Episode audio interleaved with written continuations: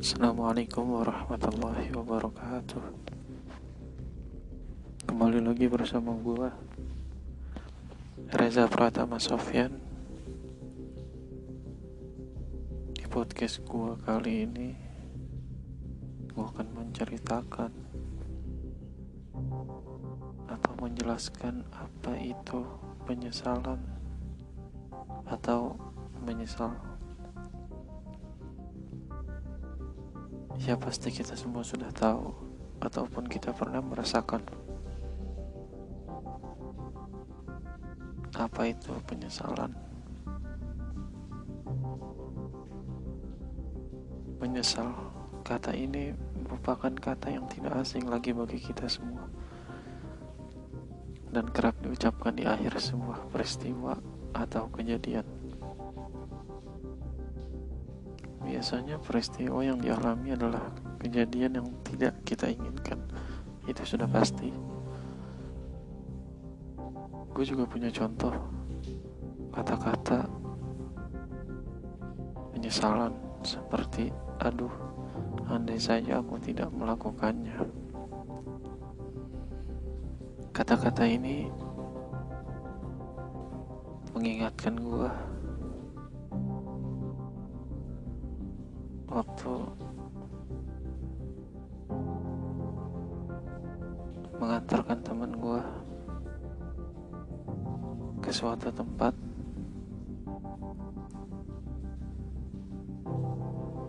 Dan setelah gue jemput dia dan gue antar ke tempat tujuan itu di situ gue pas mau pulangnya itu gue pulang duluan.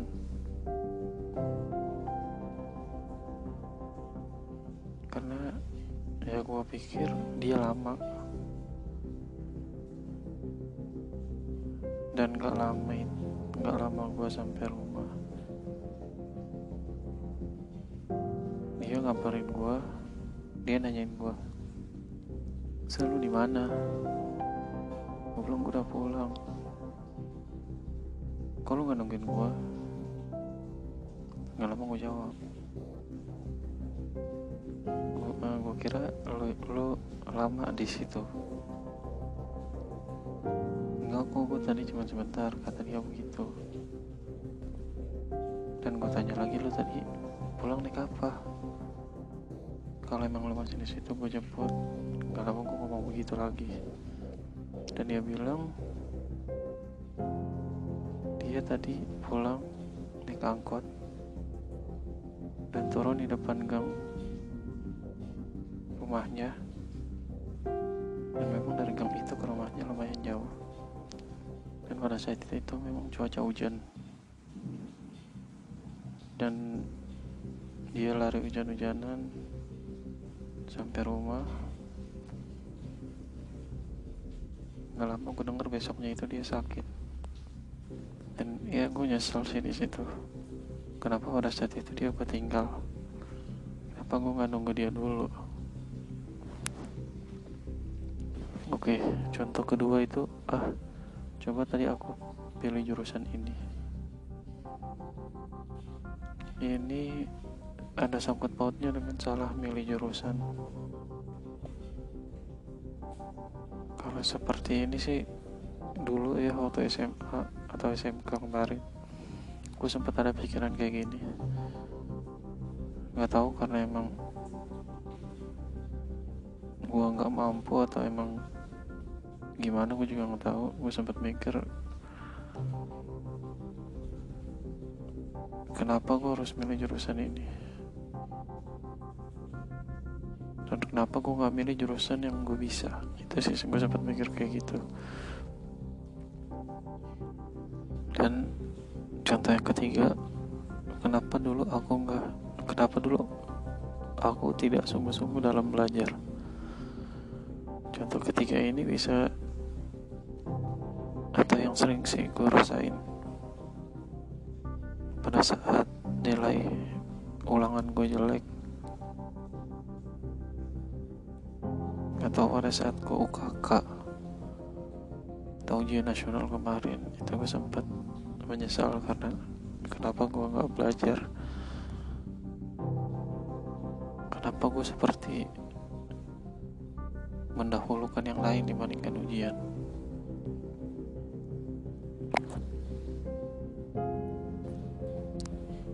Itu sih contoh-contoh yang tadi.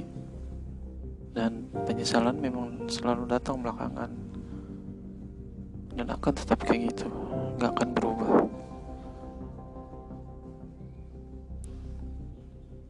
Macam-macam cara orang dalam mengekspresikan penyesalan. Itu ada yang sabar. Bahkan tak sedikit yang diiringi dengan ratapan atau kesedihan. Tak cuma itu mungkin karena sangat menyesal akibat penderitaan yang dialaminya gak jarang juga orang-orang menyesal ini begitu ingin kembali ke masa lalu untuk memperbaiki kesalahannya.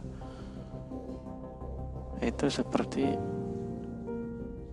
atau dia mengharapkan Doraemon. Yang punya mesin waktu.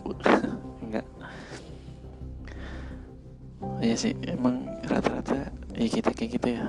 Maksudnya ada yang dalam menghadapi cobaan atau penyesalan ini. Ada yang sabar. Dan memang memang sih kebanyakan orang ingin kembali ke masa lalu untuk memperbaiki kesalahan yang sudah dia buat. Kebanyakan sih kayak gitu.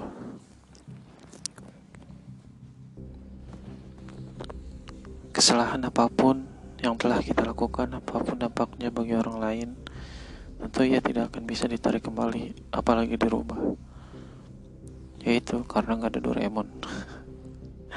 Karena hanya Doraemon yang punya mesin waktu.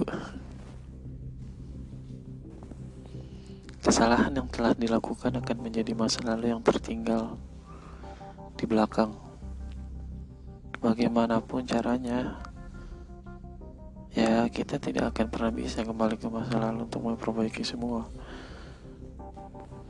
Apa yang ter, apa yang telah terjadi ya biarlah terjadi kayak lo putus sama mantan lo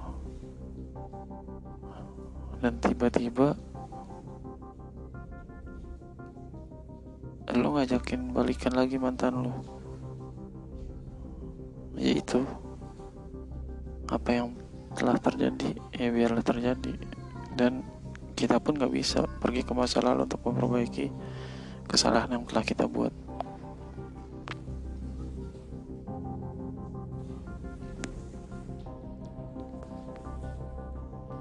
uh, mari kita istirahat sejenak.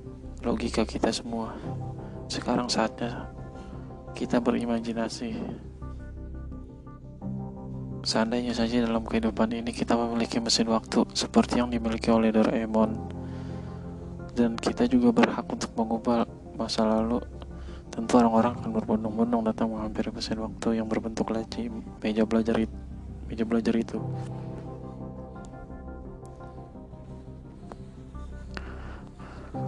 bagiku pribadi jika memang ada mesin waktu itu di dunia ini tentu tidak akan pernah kugunakan Bagiku masa lalu tetaplah masa lalu, biarlah ia berada di belakang. Tak perlu kita merubah atau meralatnya. Justru kita dapat kembali dan mengubah masa lalu. Hal itu akan membuat rasa hidup ini tidak akan sama sekali alias hambar. Tidak akan berwarna hidup ini jika tanpa ada tantangan dan penderitaan yang kita alami. Padahal tantangan dan penderitaan yang dialami merupakan batu asa yang senantiasa mengasah dan menajamkan kita agar lebih tangguh dalam mengarungi, mengarungi kehidupan. Yang memang masa lalu selalu mengajarkan kita bagaimana caranya untuk kita lebih baik di masa yang akan datang. Contohnya kayak lu dapat nilai jelek di masa lalu atau di saat itu. Jadi lu harus lebih belajar banyak dari masa lalu itu. Gimana caranya lu bisa dapat nilai bagus? Yaitu jatuhnya sih kalau menurutku sebagai pendorong atau ya sebagai pembelajaran juga sih gimana caranya bahwa masa lalu itu nggak terulang kembali? Gimana caranya lo bisa melewatkan masa lalu itu dan menghadapi masa depan yang cerah? Bayangkan saja ketika kita tahu kita tidak naik kelas atau gagal dalam suatu urusan maka kita akan memakai mesin waktu untuk merubah masa lalu dan belajar bersungguh-sungguh agar kegagalan tidak terjadi. Sungguh, kalau memang demikian rasa hidup sangat-sangatlah hambar.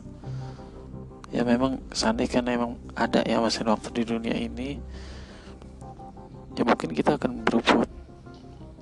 Rame-rame itu kita akan berebut berebut mesin waktu itu gimana caranya kita bisa kembali ke masa lalu dan memperbaiki masa lalu itu. Dan gue kira itu nggak ada gunanya juga sih. Seandainya memang mesin waktu itu ada.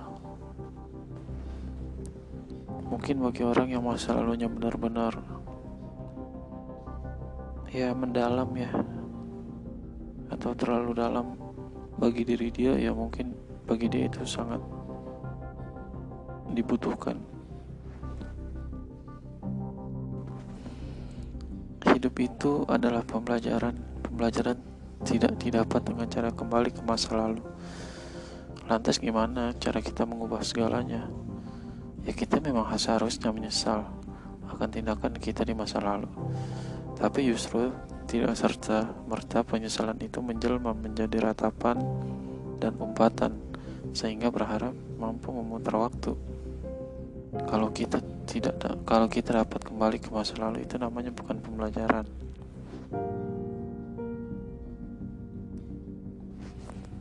Sebaik-baik sebaik-baik orang yang menyesal adalah orang yang mampu mengambil pelajaran dan peristiwa yang telah berlalu dan berbuat yang terbaik dari sebelumnya. Maka dari itu, sejatinya orang yang pernah menyesal adalah mereka yang tidak mengulangi masa lalunya dan menjadi orang yang lebih tangguh dari sebelumnya tanpa berharap dapat memutar waktu. Jadi ya orang-orang yang masa lalunya seperti itu atau masa lalunya kurang bagus ya itu emang buat pembelajaran sih bagi mereka. Ya kita tahu lah kita juga pasti punya yang namanya masa lalu. Yang tidak yang dia adalah yang gak enak contoh-contoh yang kita gue sebutin itu emang buat pembelajaran bagi diri gue sendiri ya terutama ataupun bagi diri kalian ingat Menyesal itu hanya mengambil pelajaran dari masa lalu, bukan mengambil mesin waktu untuk kembali ke masa lalu. Pesan gue sih di situ. Jadi apa yang berlalu itu biarlah berlalu. Memang mungkin pasti ada kekecewaan yang kita alami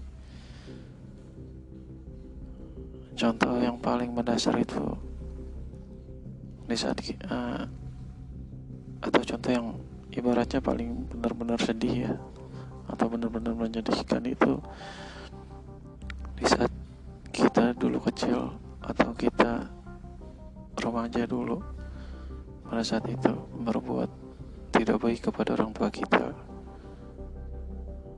membuat orang tua kita marah membuat orang tua kita sedih sampai nangis.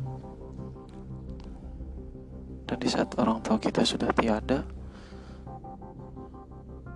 kita belum minta maaf sama sekali. Itu sih benar-benar menurut gue ya sedih sih, sedih banget malah kalau emang ada orang yang kayak gitu kalau udah ngelakuin perbuatan itu apalagi dengan orang tua lu dan se sedangkan orang tua lu udah nggak ada sekarang lu baru menyesal karena lu belum minta maaf ke dia. Intinya dari penyesalan itu seperti itu jadi uh, gimana ya? Ya pokoknya intinya buat bahan, bahan pembelajaran gitu seandainya itu yang meninggal ayah atau ibu lo. Lu belum bisa minta maaf ke dia. Seandainya itu yang meninggal ayah lo. Lu belum minta maaf ke dia. Dan saat dia meninggal.